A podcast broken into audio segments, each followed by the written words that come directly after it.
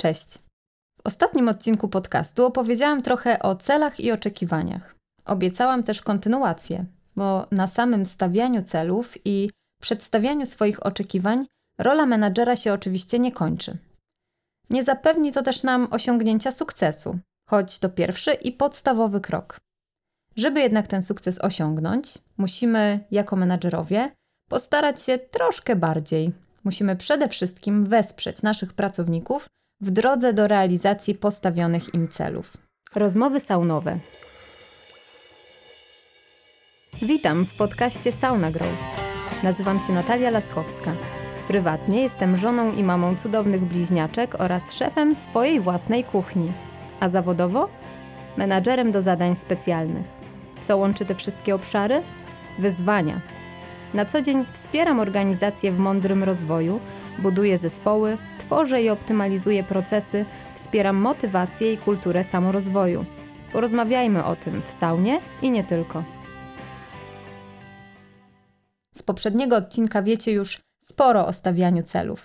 Wiecie, że muszą być one jasno zdefiniowane, a przede wszystkim odpowiednio zakomunikowane. A komunikacja nie jest prosta. I tutaj niektórzy pomyślą sobie, jak to nie? Wystarczy powiedzieć to, co mam do powiedzenia i tyle.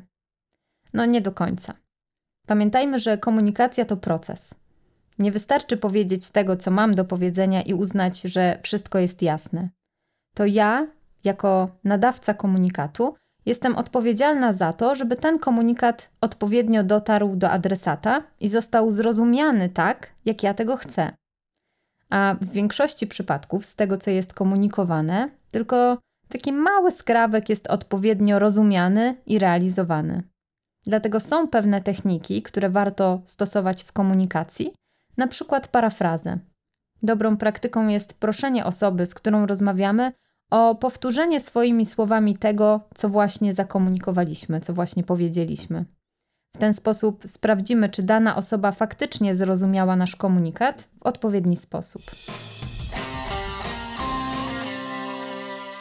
Załóżmy, że nasi pracownicy znają już nasze oczekiwania i wiedzą, jakie cele przed nimi stoją.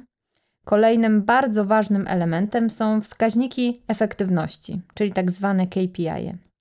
Musimy przecież wiedzieć, co będzie miarą naszego sukcesu i na jakiej podstawie podejmować działania. Czyli robimy coś nie dla samego robienia, tylko po to, żeby zrealizować cel wyrażony określonymi wskaźnikami, które, uwaga, są dobrze znane naszym pracownikom.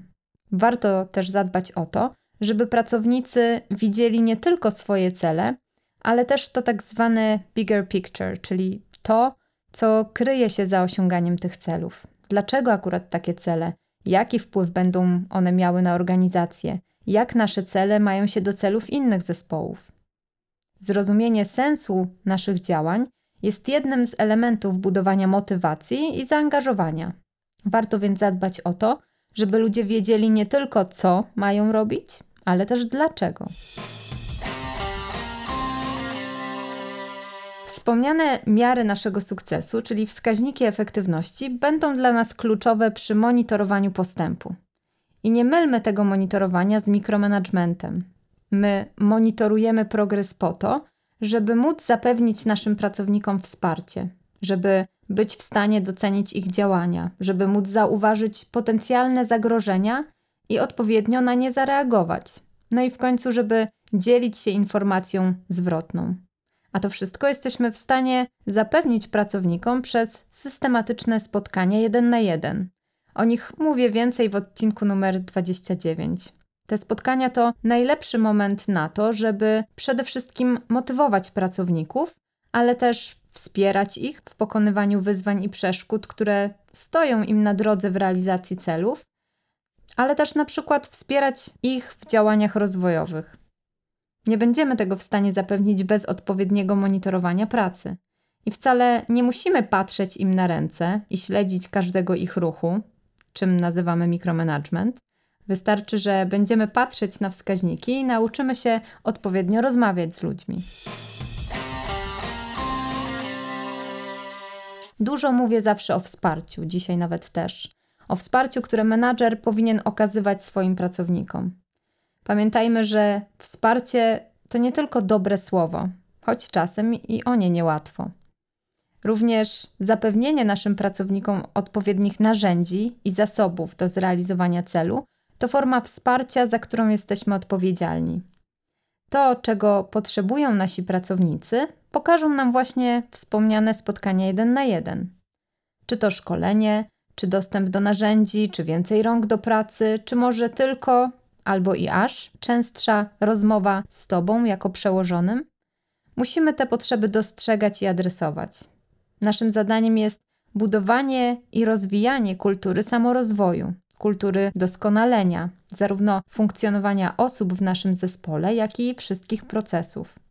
Wszyscy powinniśmy być ukierunkowani na ten rozwój, bo tylko tak będziemy w stanie zapewnić postęp i osiąganie coraz to ambitniejszych celów. To, o czym dotychczas powiedziałam, określane jest mianem performance managementu, czyli zarządzania efektywnością. Jak sama nazwa wskazuje, skupiamy się tu na podnoszeniu efektywności działań, a tym samym zwiększaniu zaangażowania naszych pracowników. Kluczowe jest tu określenie potrzeb rozwojowych i umożliwienie oraz wsparcie w samodoskonaleniu, bo to jeden z czynników decydujących o efektywności pracowników. Równie ważny jest stały feedback, czyli ta informacja zwrotna, ale też skoncentrowanie na kluczowych celach. Co powinniście wynieść dziś z mojego monologu? To, że jeśli chcecie budować zaangażowany i efektywny zespół, musicie nauczyć się i stale rozwijać kilka bardzo ważnych umiejętności. Po pierwsze, wyznaczanie celów wynikających ze strategii firmy oraz stawianie oczekiwań. Po drugie, określenie wskaźników będących miarą realizacji Waszych celów oraz umiejętny ich monitoring i interpretacja. Po trzecie, stały feedback i odpowiednia komunikacja. Ta umiejętność jest niezwykle ważna i cenna. To właśnie sposób, w jaki komunikujemy, w jaki rozmawiamy z ludźmi, wpływa na ich motywację, zaangażowanie, a przez to też na ich efektywność. Mówiłam o spotkaniach jeden na jeden, ale miejsc i możliwości do komunikacji jest znacznie więcej. Czasami nie zdajemy sobie sprawy, jak silnym czynnikiem budującym motywację i zaangażowanie jest właśnie komunikacja i jakie szkody może w organizacji wyrządzić jej brak. Dlatego myślę, że temat ten zasługuje na osobny odcinek, w którym skupimy się tylko i wyłącznie na tym niełatwym procesie komunikowania. Do usłyszenia. Podobał Ci się ten odcinek? Bardzo prosimy, oceń nasz podcast w Twojej ulubionej platformie streamingowej. Jeśli możesz, podziel się linkiem z tego odcinka w social mediach, przykład na LinkedInie czy Facebooku. Dzięki temu możemy sprawnie działać i nagrywać kolejne podcasty. Z góry serdecznie dziękujemy za tak okazane wsparcie.